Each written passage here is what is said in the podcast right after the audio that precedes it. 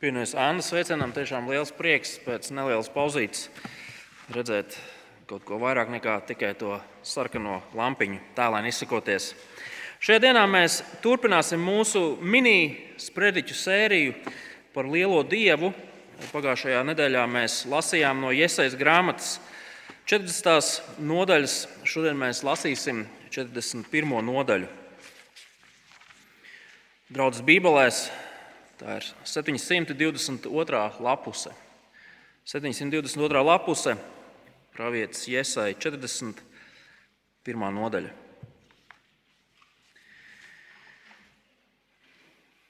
Klusējiet manā priekšā, jūs, jūras salas, tautas, atgūstiet spēku. Tad nāciet un runājiet, sanāksim kopā uz tiesu. Kurš parādās no saulēkta puses, ik uz soļa viņam taisnība, pretī nāk. Tautas nolikts viņa priekšā, viņš, viņš ķēniņus samin, par pīšļiem tos padara ar savu zobenu, kā salmus saka pār savu loku. Viņš vajā tos droši tiem pāri iet, taku kājām viņš nemin. Kurš to ir radījis un darinājis, izsaucot ļaužu audzes no iesākuma? Es, kungs, esmu pirmais un ar pēdējiem. Tas esmu es. Redzējis salas un bijās, trīcēja zemes malas. Tie tuvojās, pienāca klāt viens otram līdzēji, viens otram sacīja, esi stiprs. Amatnieks drošināja zeltkali un vesera cilātājs to, kas ar āmuru uzvetē. Tie teica, stiprinājums ir labs un piesitā ar tapām, lai nekust. Tu, Izraēl, esi mans kalps, Jēkab, es tevi izraudzījos. Mana mīļā Ābrahama pēcnācēja, kurus no zemes malām es esmu sapulcējis no nostūriem kopā sasaucis, teicis, jūs mani kalpi, jūs es izraudzījos un neesmu atmetis. Nebaidies, jo es esmu ar tevi, nebīsties, es esmu tavs dievs. Es spēcināšu tevi, tev palīdzēšu, ar savu labo taisnības roku es tevi uzturēšu. Redzi, paliks kaunā un apsmieklā visi, kas neieredz tevi, kā nieki tie zudīs kas strīdā ar tevi. Tos meklēsi, bet neatradīsi. Tos, kas sacenšas ar tevi, no tiem paliks tik nieks, kas ar tevi karojuši. Jo es esmu kungs tavs dievs. Es stiprinu tavu labo roku, es saku tev, nebaidies, es esmu tavs palīgs. Nebaidies, Jēkab, tu tārps. Un tu, Izraēli, es tev palīdzēšu, saka kungs. Tavs izpircējs ir Izraels svētais. Redz, es tev padarīšu par kuļamo veltni, kas no jauna taisīts, kam asas tapas. Tu kulsi kalnus un satrieksi tos, tu augurus vērtīsi pelavās. Tu, tu tos vērtīs un vējš tos aizraus, un viesulis tos izkaisīs. Bet tu līksmosi par kungu, par Izraels svēto tu gavilēsi. Nabagie un sūrdeņi meklē ūdeni, bet nav. Tiem slāpēs tūkst mēlē. Es kungs tiem atbildēšu. Es, Izraēla Dievs, viņus nepametīšu. Es likšu, lai kalnu korēs izlaužas upes un ielē vidū avoti. Es tuksnesi padarīšu par ūdens klajumu, un izkaltušajā zemē izvirdīs ūdeņi. Es tuksnesī stādīšu ciedrus, akācijas, mirres un olīvu kokus. Kailatnē es dēstīšu cipreses, gobas un pīnijas, lai viņi redz un zina, lai pievēršas tam un sajēdz visi, ka kunga roka to darījusi, ka Izraels svētais to radījis. Nāciet ar savu, tiesu, ar savu lietu tiesā, saka kungs. Šurp jūsu prasību, saka Jēkaba ķēniņš, lai tie nāk un mums saka, kas notiks. Stāstiet mums, kas bija iepriekš, un mēs tam pievērsīsim savus sirdis, lai zinātu, kas notiks turpmāk. Un stāstiet mums to, kas vēl būs, Stāstiet, kas notiks vēlāk, lai mēs zinām, ka jūs esat dievi. Dariet taču labu vai ļaunu, lai trūkstamies un drebam visi. Redzi, jūs neesat nekas. Jūsu darbi ir tukšība. Pretīgs ir tas, kas jūs izvēlas. Es ziemeļos urdīju kādu, un tas nāca no saulēktiem, piesaugdams manu vārdu. Viņš nāk pār valdniekiem kā pār glūdu kā podnieks mīcīdams mālus. Kas to būtu jau iesākumā teicis, ka mēs zinātu jau iepriekš, ka mēs varētu sacīt viņam taisnību. taču nav teikts un nav sacīts. Nav neviens dzirdējis jūs runājumu. Vispirms Cijānai redzi, redzi tie, un Jeruzalemei es sūtu prieka vēstnesi. Es skatos, un tur nav neviens starp tiem, nav neviena, kas dotu padomu. Un, kad jautāju, neviens man neatbild. Redz, tie visi ir niecība. Tukšība ir viņu darbi, viņu elki vien tukšs vējš. Tas ir kunga vārds. Pirms pārdomājam šo diezgan apjomīgo nodaļu, lūgsim, lai kungs arī savu vārdu mums palīdz saprast. Dieva vārdā mēs lasām, ka kunga vārds atspirdzina dvēseli. Dabas Tēvs, mēs lūdzam, palīdz mums tagad, kad Tavu vārdu pārdomājam. Lai tiešām tas mums dāvā izpratni, lai tas stiprina mūsu iekšējo cilvēku, lai tas palīdz mums iepazīt Tevi labāk un sakot Tev ciešāk. To visu mēs lūdzam Kristus nopelnu dēļ. Amen! Iespējams, jūs jau no lasījuma pamanījāt, ka Jesaja šīs dienas nodaļā mūs, kā savus klausītājus, aicina sapulcēties tiesas zālē. Tā tiesas zāle ir milzīga. Kāpēc? Tāpēc, ka tur ir klātesošas tautas no visas pasaules. Un, protams, goda vietā šajā tiesas zālē sēž pats kungs un pats dievs. Un šīs tiesas sēdes viens vienīgais jautājums ir par to, kurš visu kontrolē. Kurš kontrolē vēsturi? Kurš kontrolē vēstures notikumus? Redziet, cilvēki jau visos laikos ir centušies savu iespēju robežās prognozēt to, kā notikumi attīstīsies pareizi, kas notiks nākotnē. Un, protams, ir bijuši arī centieni tos notikumus kaut kā stimulēt, un veicināt un veidot. Gal galā skaidras zināšanas par to, kas būs rīt, vai pēc mēneša, vai nākamgad, tas cilvēkiem dod drošību. Tas cilvēkiem ļaut plānot. Un kaut kādā ziņā tas, tas cilvēkiem dāvā iespējas dzīvot labi. Nu, jau pēdējos divus gadus mēs dzīvojam laikā, kur nekad neko īsti nevar plānot. Ne? Ik pa mēnesim kaut kas mainās. Globālā pandēmija ietekmē mūsu darbu, mūsu atpūtu, mūsu bērnu skolas gaitas, mūsu hobijus, mūsu veselību un visu pārējo. Un tam visam vēl pa vidu nāk dažni dažādi uzskati par to, kas šajā situācijā ir vainīgais un kam ir kādi slēpti un ļauni nodomi. Bet kurš patiesībā kontrolē jā, arī visu to, kas ir noticis pēdējos divos gados? Un nav runa jau tikai par pēdējiem diviem gadiem, vai ne? Par cilvēces vēsturi kopumā. Kurš to visu kontrolē? Kurš valda pār notikumiem? Un, lai atbildētu uz šo svarīgo jautājumu, mūsu priekšā esošā tiesas sēdē tiek aplūkots viens konkrēts vēstures notikums, kur mēs nedaudz arī aplūkosim tuvāk.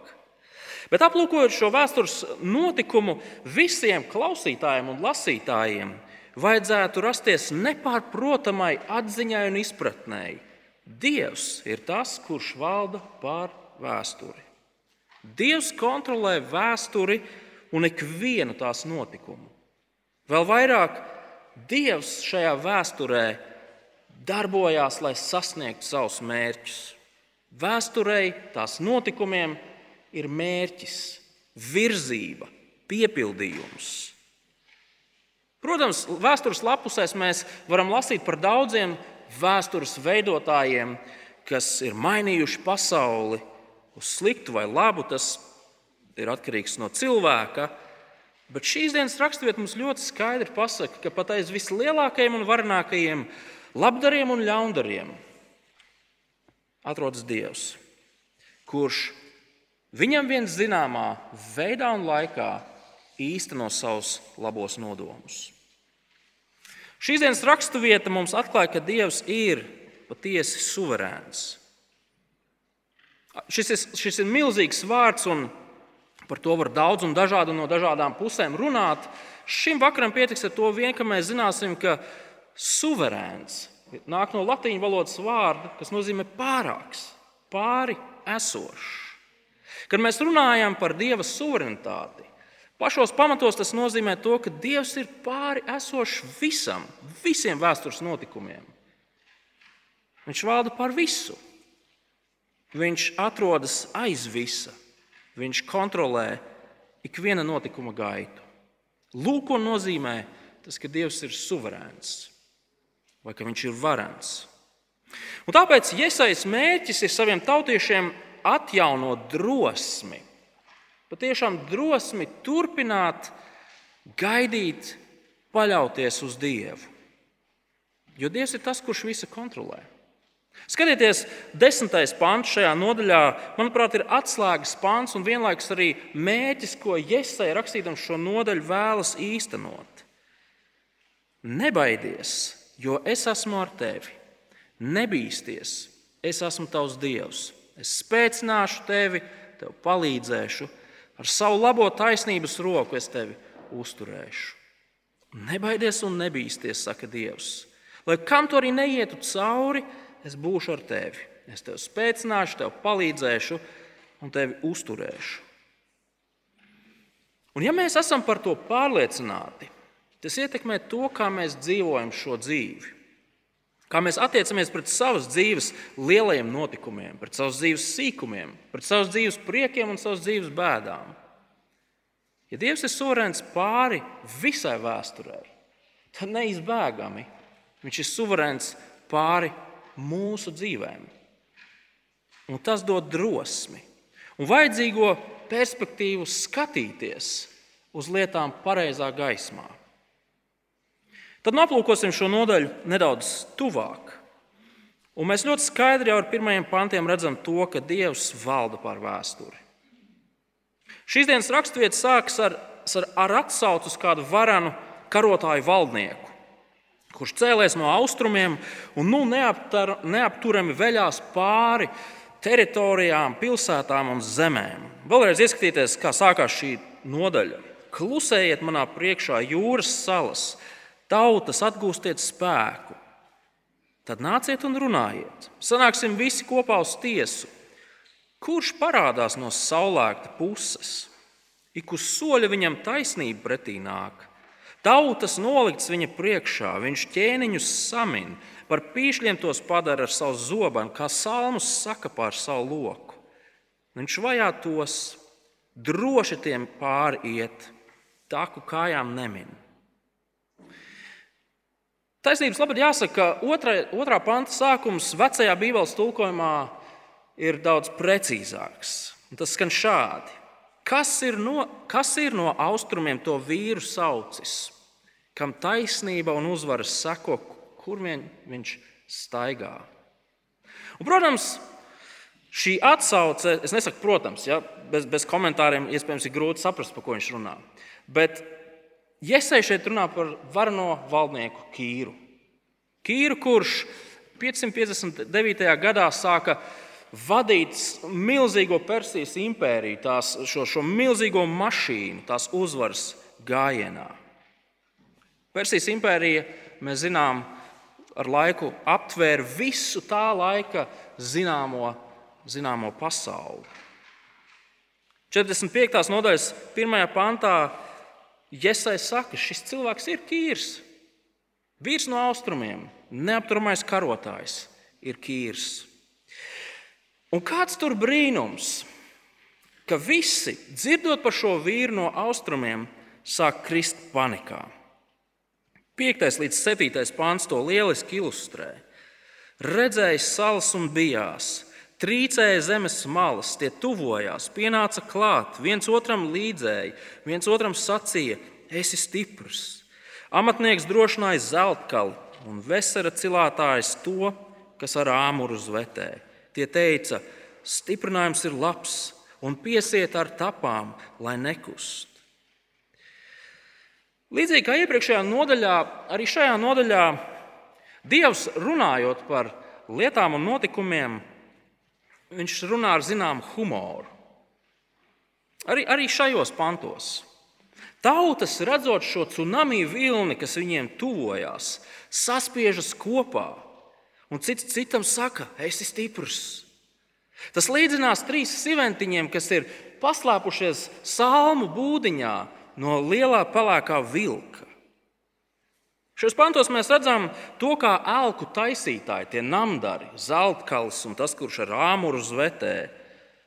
Viņi saviem, savus elku tās statujas ar tapiņām pie zemes piesprāž, lai tikai tajā tsunami vilnī tas viss neaiziet pa gaisu. Bet tas viss līdzinās bērniem, kas pludmalē ir uzcēluši smilšu pili, un tagad paisuma viļņiem tuvojoties, mēģina nostiprināt, lai viļņi to neaizskalo. Tas līdzinās kempingotājiem, kas, kas savu maksimas teltīti orkānā mēģina nostiprināt ar, ar mazām virvītēm. Piedošanu, bet šis austrumu vīrs ir neapturams. Lai ko arī tautas un, un amatnieki darītu, viņu nevar apturēt. Taču interesanti ir tas, ka šis vīrs no austrumiem neplosās pats savā spēkā. Vai jūs pamanījāt?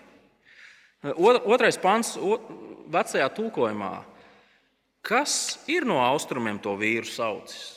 Vai ceturtais pants? Kurš to ir radījis un darinājis, izsaucot ļaužu paudzes no iesākuma? Kurš stāv aiz šī kīra, aiz šī neapturamā? Kurš stāv aiz ikvienas cilvēka paudzes no pirmās līdz pēdējai? Dievs. 41. panta, otrā puse. Es, kungs, esmu pirmais, un ar pēdējiem tas esmu es. Kamēr tautas drab kā apšu lapas un cenšas glābiņu meklēt pie saviem elkiem un krīt vispārējā panikā, Dievs saka, es visu kontrolēju. Kīrs, jā, es par viņu zinu. Viņa lielais spēks, viņa neapturamais karagājiens, jā, tas man nav nekāds noslēpums, jo es pats viņam to esmu devis. Protams, šajā brīdī kāds var iesaukties pagaidā, ne tik strauji. Tas ir tāds, tāds, tāds pārāk grandios apgalvojums, teikt, ka Dievs to visu kontrolē, Dievs to visu ir izkārtojis. Galu galā tiesas sēdē parasti ir vajadzīgi kādi pierādījumi. Un mēs varam vienu pierādījumu dot. Iesai šos vārdus, 41. nodaļu, viņš pierakstīja 8. gadsimta vidū. Viņš zina, kā šo vīru sauc, Kīrs. Viņš zina, no kurienes viņš nāk, viņš zina, uz kurien viņš dosies. Viņš zina pat tik daudz, kā tautas reaģēs saskaroties ar Kīru. Un, ziniet, draugi, 200 gadus vēlāk tieši tā arī notika. Iesai šo visu raksta ārkārtīgi precīzi. 200 gadus pirms notikuma, paiet 200 gadi, un tas notiek. Šis ir tikai viens spilgts vēstures piemērs, kas ir pierakstīts vecajā derībā. Šis pravietojums patiešām piepildījās. Iesais laika biedri neredzēja to piepildāmies, bet vēstures lapus par to runā un raksta. Un, draugi, vecā derība ir pilna ar līdzīgiem vēsturiskiem notikumiem, kas līdz precīzām detaļām apraksta to, kā lietas notiks. Un viņas patiešām notiek. Dievs ir suverēns pār vēsturei. Viņš zina vēsturi. Viņš, viņš rada vēsturi. Un suverēnā dieva pāraudzītā vēsture mērķiecīgi īsteno viņa nodomus. Un šie nodomi ir ārkārtīgi labi. Un tas ir tas, ko mēs redzam šīs nodaļas vidusdaļā. Dievs vēsturē īsteno savus labos nodomus no 8. panta līdz 20. pantam. Tiesas zālē šajā brīdī Dievs no tā, lai uzrunātu tautas, viņš pievēršas savai tautai, savai izredzētai tautai. Un viņš atklāja to, kādi ir viņa nodomi šajā vēsturē attiecībā uz savu tautu. Un mēs redzam, to, ka Dieva nodomi ir glābt, Dieva nodomi ir tiesāt ienaidniekus, un Dieva nodomi ir dāvāt kaut ko jaunu, kaut ko labu saviem ļaudīm. 8. un 9. pants. Tu, Izraēlis, mans kalps, jēkab es tevi izraudzījos, mana mīļā Ābrahama pēcnācēja, kurus no zemes malām es esmu sapulcinājis, no nostūriem kopā sasaucis un teicis: Jūs mani kalpi, Jūs es izraudzījos un neesmu atmetis. Pirms Dievs atklāja savus nodomus, šie panti brīnišķīgi raksturo to, kā Dievs raugās uz saviem cilvēkiem.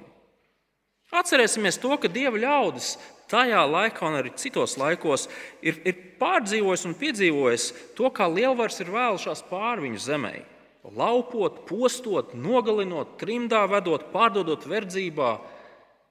Bet tajā visā Dievs saviem ļaudīm saka, jūs esat mani. Es jūs esmu izredzējis, es jūs esmu sasaucis kopā. Jūs man esat īpaši. Es jūs esmu izraudzījis, un es jūs nepametīšu. Un tāpēc jau dzirdētais desmitais pants - nebaidies, jo es esmu ar tevi, nebīsties. Es esmu tavs dievs. Es spēcināšu tevi, tev palīdzēšu, ar savu labo taisnības roku es tevi uzturēšu. Dievs šos mudinājumus un apsolījumus dod savai, savai draudzēji, savai tautai, draudzēji. Dievs vienmēr būs ar savu draugu, to spēcinādams, to uzturēdams. Nekas un neviens nespēs Dievu apturēt. Un līdz ar to nekas un neviens nespēs apturēt Dieva vispasaules draugu. Mums reizēm liekas, ka dzīvojot šeit, Eiropā, sekulārisms, attīstība, materiālisms, kristiešu skaitu samazina katru gadu ar vien mazāk un mazāk kristiešu. Iespējams, tas tā arī ir zināmās uh, vietās un lielpilsētās. Bet, draugi, paskatīsimies nedaudz tālāk, aiz Eiropas. Skatieties, kas notiek Ķīnā, kas notiek Āfrikā, kas notiek tuvajos austrumos. Skatieties, kā Dievs audzē savu draugu tur, neapturamā ātrumā, neiedomājamos apjomos. Internetā mēs varam ļoti viegli atrast datus par to, kā draudzes aug šajos reģionos. Nekas nevar apturēt Dieva draugu, tāpēc ka Dievs to uztur. Taču vienlaikus Dieva apsolījums ir dots arī mums, kristiešiem, kas esam daļa no lielās Dieva draudzes. Mēs katrs atsevišķi esam Dieva izredzēti, mēs katrs atsevišķi esam Dieva uzturēti. Tāpēc mums nav jābaidās. Covid un ar, saist, ar to saistītie ierobežojumi, pasaules vareno schēmas, lielvaru provokācijas un hibrīda kari, kristīgo vērtību izsmiešana, personiskās krīzes, bēdas. Nebīsimies, nebaidīsimies. Seni izrēlieši dzīvoja bailēs no saviem ienaidniekiem, bet Dievs savus ļaudis izglābs no visiem viņa ienaidniekiem. Un šajā konkrētajā gadījumā viņš izmantos absolūti bezdievīgu valdnieku, slaveno Kīru. No 11. līdz 14. pantam mēs redzam to, kā Dievs dod šo glābšanas solījumu saviem ļaudīm. Redz, paliks kaunā un apsmieklā visi, kas neieradz tevi, kā nieki tie zudīs, kas strīdā ar tevi. Tu tos meklēsi, bet neatradīsi. Tos, kas sacenšas ar tevi, no tiem paliks nieks, kas ar tevi karojuši. Jo es esmu kungs, tavs dievs, es stiprinu tavu labo roku. Es saku tev, nebaidies, es esmu tavs palīgs. Nebaidies, Jēkab, tu tārps, un tu Izrēli. Es tev palīdzēšu, saka kungs, tavs izpircējs ir Izraels svētais. Uh, draugi, tad, kad mēs kādu citu tādā draudzīgā sarunā nosaucam par tārpu, tas parasti nav ar tādu pozitīvu nozīmi. Pareizi. Taču Dievs šeit savu mīļoto, izredzēto draugu nosaucot par tārpu, nedomā neko sliktu. Viņš vienkārši objektīvi saka, draugi, salīdzinot ar lielvarām, nu, čiks vien ir. Nu, jūs esat kā tāds mazs stārpiņš, kā ies priekšā, piemēram. Bet kas notiks ar, ar šiem, diev, ar šiem dievu tautas ienaidniekiem? Kas notiks ar varano un nežēlīgo Asīrijas impēriju vai Babilonijas impēriju? Tieši tas pats, kas daudzus gadsimtus iepriekš notika ar Eģiptes lielvaru, kad izrēlieši devās projām no, no Eģiptes verdzības. Dievs saka, ka nekas daudz pāri nepaliks. Tos nevarēs atrast. Tie aizies nebūtībā. Tie būs kā, kā visļaunākie mūrgi, tad, kad mēs piedzīvojam murgu, tas, tas viss ir tik reāli, tik spilgti, tik mokoši. Bet tad mēs pamostamies, un šie murgi, varbūt dažas sekundes vēl viņi kaut kur tur karājās gaisā, bet viņi pazūd. Viņi beidzās, un mēs drīz vien par tiem aizmirstam. Vai tā nav? Un no vēstures mēs zinām, ka valdnieks Kīrs um, iznīcināja gan Asīrijas, gan Babilonijas impērijas paliekas, un viņš ļāva sagūstītajām tautām atgriezties atpakaļ savā dzimtenē. Tā skaitā arī izrēlieši. Viņi atgriezās atpakaļ savā, savā jūdejas zemē, viņi atjaunoja pilsētas, Izraēl, Jeruzalemes mūri, arī Jeruzalemes templi. Dievs valda par vēsturi, un, lai dāvātu glābšanu, viņš var izmantot pat šādu bezdievīgu valdnieku, kā šajā gadījumā. Un mēs varam ar jums paskatīties vēstures lapusēs ar drošu prātu. Nu, kur ir visi dieva lielie ienaidnieki? Kur ir Staļins? Kur ir Nīčs ar savu Dievs ir miris saukli? Kur ir Darvins? Kur ir Marks? Kur ir Padomjas Savienība? Kur ir Ķīnas komunistiskā partija? Savā spēka briedumā, vēstures lapusēs. Un sakiet, kas notiks ar dieva tautas ienaidniekiem? Kur būs Dawkins, citi šie karavīgie ateisti? Kur būs Putins? Kur būs Baķuška Lukašenko? Kur būs ISIS karotāji, kur būs Taliban teroristi? Kur būs visi tie, kas neieradz dieva ļaudis? Kur būs visi tie, kas smējās par dievu un viņa darbu? Iesai saka, viss, kas no viņiem paliks pāri, labākajā gadījumā būs dažas nodaļiņas encyklopēdijā. Tas arī ir viss. Dievs savus ļaudis ir glābis, Dievs savus ļaudis glābi, un Dievs savus ļaudis glābs. Tas ir tas, ko Dievs īsteno šajā vēsturē. Un, protams, mēs bieži vien sakām, tas, kas vienam ir glābiņš, otram ir taisnīgā tiesa. Un tieši tas arī ir šīs monētas otra puse. Dievs glābs savus ļaudis, bet viņš tiesās savus ienaidniekus. 15. un 16. pants.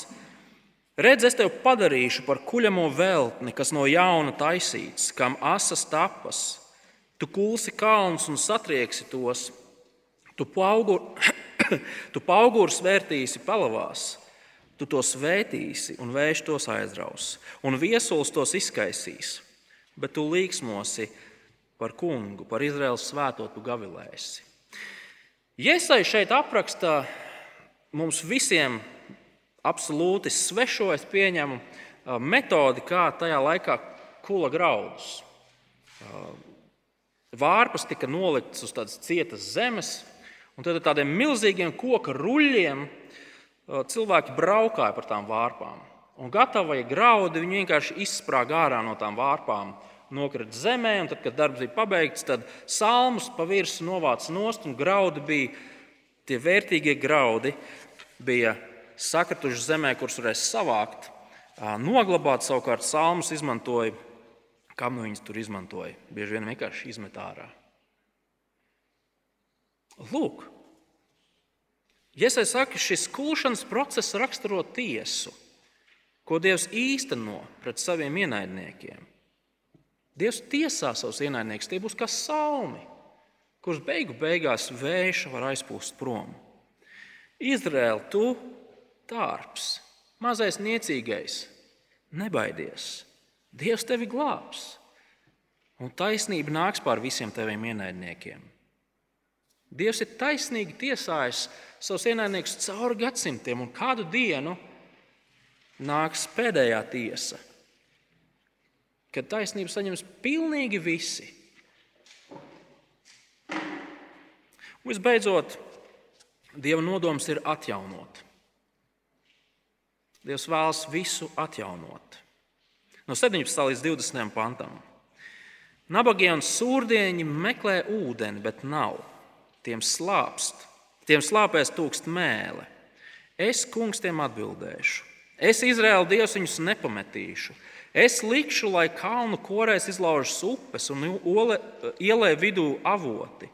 Es tūkstnesi padarīšu par ūdens klajumu, un izkautušās zemē izvirdīs ūdeņi. Es tūkstnesī stādīšu ciedrus, akācijas, mirras un olīvu kokus. Kailatnēs dēstīšu cipreses, gobas, pīnijas, lai viņi redz un zina, lai pievēršas tam un sajēdz visi, ka kunga roka to darījusi, ka Izraels svētais to radījis. Mūsu priekšā tiek uzbūrta tāda brīnišķīga pārpilnības un dzīvības aina. Tuksnesis pārvēršas par zaļojošu mežu, kurā ir upes, kurā ir ezeri. Un vai jūs pamanījāt to, cik ļoti autors vēlas izcelt to, ka tieši Dievs ir visa šī iestenotājs? Es viņus nepametīšu, es likšu, Es padarīšu, es stādīšu, es dēstīšu, lai visi zina un sajēdz, ka kunga roka to darījusi, ka Izraels svētais to radījis. Nākotnes jaunā zeme, dieva darba galamērķis. Šajā nodaļā Iesai mums tādā milzīgā skrējienā ir izvedis cauri glābšanai, tiesai, atjaunošanai, jaunai radībai. Un ikvienā no šiem etapiem, ja jūs gribat, mēs skaidri redzam, ka Dievs dara savu darbu šajā vēsturē. Dievs suverēni īsteno to, ko viņš ir nolēmis darīt. Un tādēļ izrēlieši ir aicināti skatīties uz šo lielo bildi. Dievs ir absolūts valdnieks pār visām. Viņš vēsturē īsteno to, ko viņš grib. Citu, vai jūs pamanījāt to, cik ļoti nēsoši šajā procesā ir visi citi viedokļi, citi spēki, citas darbojošās personas? Vai jūs pamanījāt to, cik, cik viss notiek ātri, vienkārši, bez aizķeršanās? Un tieši to jau arī ticīgiem ir jāsaredz. Dieva absolūto pārākumu. Dievs no sākuma līdz beigām visu zina, visu ir paredzējis, visu ir izdomājis un savā laikā un savā veidā visu īsteno. Nebaidies! Raksturietas atlikušajiem pantiem pievērsīsimies burtiski minūti. Šajos no 21. līdz 29. pantos mēs redzam, to, kā Dievs vēlreiz tiesas zālē pievēršas tur sanākušajām tautām, to dieviem, un viņš met izaicinājumu. Taču viss, ko mēs redzam šajā dieva izaicinājumā, ir, ir nodurtas acis un klusums. Tie visi ir niecība. Lai nedaudz izjustu to, to atmosfēru, izlasīsim dažus pāns no 21. līdz 24. Nāciet ar savu lietu tiesā, saka kungs. Šurp jūsu prasību, saka Jēkabas ķēniņš. Lai tie nāk un mums saka, kas notiks. Stāstiet mums, kas bija iepriekš, un mēs tam pievērsīsim savus sirdis, lai izzinātu, kas notiks turpmāk. Un stāstiet mums to, kas vēl būs. Stāstiet, kas notiks vēlāk, lai mēs zinām, ka jūs esat dievi. Dariet taču labu vai ļaunu, lai trūkstamies un drebam visi. Redzi, jūs neesat nekas. Jūsu darbi ir tukšība, pretīgs ir tas, kas jūs izvēlas. Dievs raugās uz pasaules varenajiem un aicina tiem pastāstīt par saviem plāniem. Nu, pastāstiet, nu, ko jūs darīsiet. Pastāstiet, kā jūs valdīsiet. Pastāstiet par to, kā jūs dzīvosiet. Pastā, atklājiet mums savus nodevumus, nu, kaut nedaudz. Jūs vispār zināt, kas nākotnē notiks? Jūs spējat ietekmēt nākotni. Ko, ko, ko jūs darīsiet ar šo vīru, kurš kā vilnis veļās pāri visām tautām? Jums ir kaut kāds rīcības plāns. Ah, starp citu, kā ir ar jūsu dieviem? Jūs sakat, ka viņi ir vareni. Kur viņi ir? Vai viņi vispār kaut ko spēj? Lai viņi izdara, nav svarīgi, ko, labu vai ļaunu, bet lai kaut ko izdara. Tukšums, klusums. Raugoties no Dieva perspektīvām, no perspekt Dieva perspektīvas, visi bezdievju draudi un plāni un schēmas, tas viss ir nožēlojams. Tas viss atgādina, iespējams, jums jau dzirdēto veco labo anekdoti par to, kā zilonis, neveikls zilonis izslāņ cauri skudru pūznim, visu izbradā, un tam zilonim viens skudriņš skausti ir uzmetusies. Un visas pārējās skudriņas, redzot šo varonīgo skudru, sauc žmiedz viņu nost, žmiedz viņu nost. Skudra pret ziloni. Smieklīgi. Vienlaikus nožēlojami. Bībeles Dievs ir suverēns un varants. Viņš valda pār vēsturi, viņš kontrolē vēsturi. Viņš ne tikai zina nākotni, bet viņš arī tas, kurš nākotni virza noteiktā, pretī noteiktam galamērķim. Ik viens šīs pasaules notikums, liels vai mazs, ir Dieva izkārtots, Dieva pāraudzīts, Dieva piepildīts. Draugi, tad, kad mēs atrodamies dzīves vētrās, ciešanās, pārbaudījumos, izaicinājumos, mūsu acis redz tikai un vienīgi vētras, ciešanas, pārbaudījumus un izaicinājumus. Pareizi. Lielākoties tā ir. Bet šīs dienas raksturvieta jau nesmējās par mūsu grūtībām un ciešanām. Šīs dienas raksturvietā Iesaija nesaka, ai, ka tu saskaries ar grūtībām, vienkārši pasmaidi un viss būs labi. Šeit nav šī naivā pieeja. Izrēlieši, kuri šos vārdus lasa, lasīja, viņi izgāja cauri visneiedomājamākajam postam, ļoti smagam periodam. Un daudzi no šiem lasītājiem sākotnēji viņi nepiedzīvoja neko no tā, ko Iesai šeit pravietoja. Viņi piedzīvo, visu, ko viņi piedzīvoja, bija ļaunums, trimda, ciešanas, bēdas. Ļaunums viskaudrākajās izpausmēs. Bet Iesai vēlas, lai ļaudis no jauna ierauga to, cik dišs ir viņu dievs. Dievs ir suverēns pār vēsturi. Viņš to pārzina, viņš to kontrolē. It viss šajā pasaulē, neatkarīgi no tā, kā mēs uz to raugamies, virzās pretī dieva nodomu piepildījumam. Un, draugi, tādēļ arī mēs esam aicināti pacelt savus acis un paraudzīties uz Dievu, kurš sēž goda vietā pārauga ikvienu notikumu šajā pasaulē. Vēl vairāk, pārauga ikvienu notikumu mūsu dzīvēm. Mūsu priekos un bēdās viņš ir kopā ar mums. Protams, būs brīži, kad mēs piedzīvosim lielas bēdas, bailes. Būs brīži, kad mums liksies, ka Dievs ir kaut kur nozudis un tā vietā valda grēks, slimības, nāve, pasaules varenie. Mēs piedzīvosim šaubu brīžus. Un iespējams, kāds tam visam iet šodien cauri. Bet iesaistīt mūs tā vietā, lai aicinātu noliegt to realitāti, kur mēs piedzīvojam, mūsu bailes un bēdas, mēs esam aicināti pavērt acis augšu, pavērt acis uz Dievu, savā ciešanu un grūtību, pārdzīvojumu un neziņas, baiļu un un šaubu realitātē. Mēs esam aicināti ieraudzīt šo lielo bildi, kurā mēs redzam Dievu, kurš nemirkli neizlaiž vadības grožu no savām rokām. Patiesība ir tāda, ka nekas cits, draugi, mums nevar dāvāt mieru, drošību, iepriecinājumu. Ja Dievs nav suverēns pāri vēstures notikumiem, lieliem, maziem, globāliem un lokāliem mūsu dzīves, tas nozīmē, ka vēstures notikumi ir stiprāki par mūsu Dievu. Un tas mūsu Dievu padara līdzīgu tiem, tiem ķīņķēziņiem, kurus ar tapiņām piesprāst pie zemes, elkiem. Raksts saka, tā ir ārkārtīgi smieklīga un nenopietna ideja. Dievs ir visu varants. Viņš ir suverēns par notikumiem. No kā mums baidīties? No pandēmijas. No tā, ka pasaules varenajiem varētu būt kaut kādas ļaunas schēmas un plāni prātā.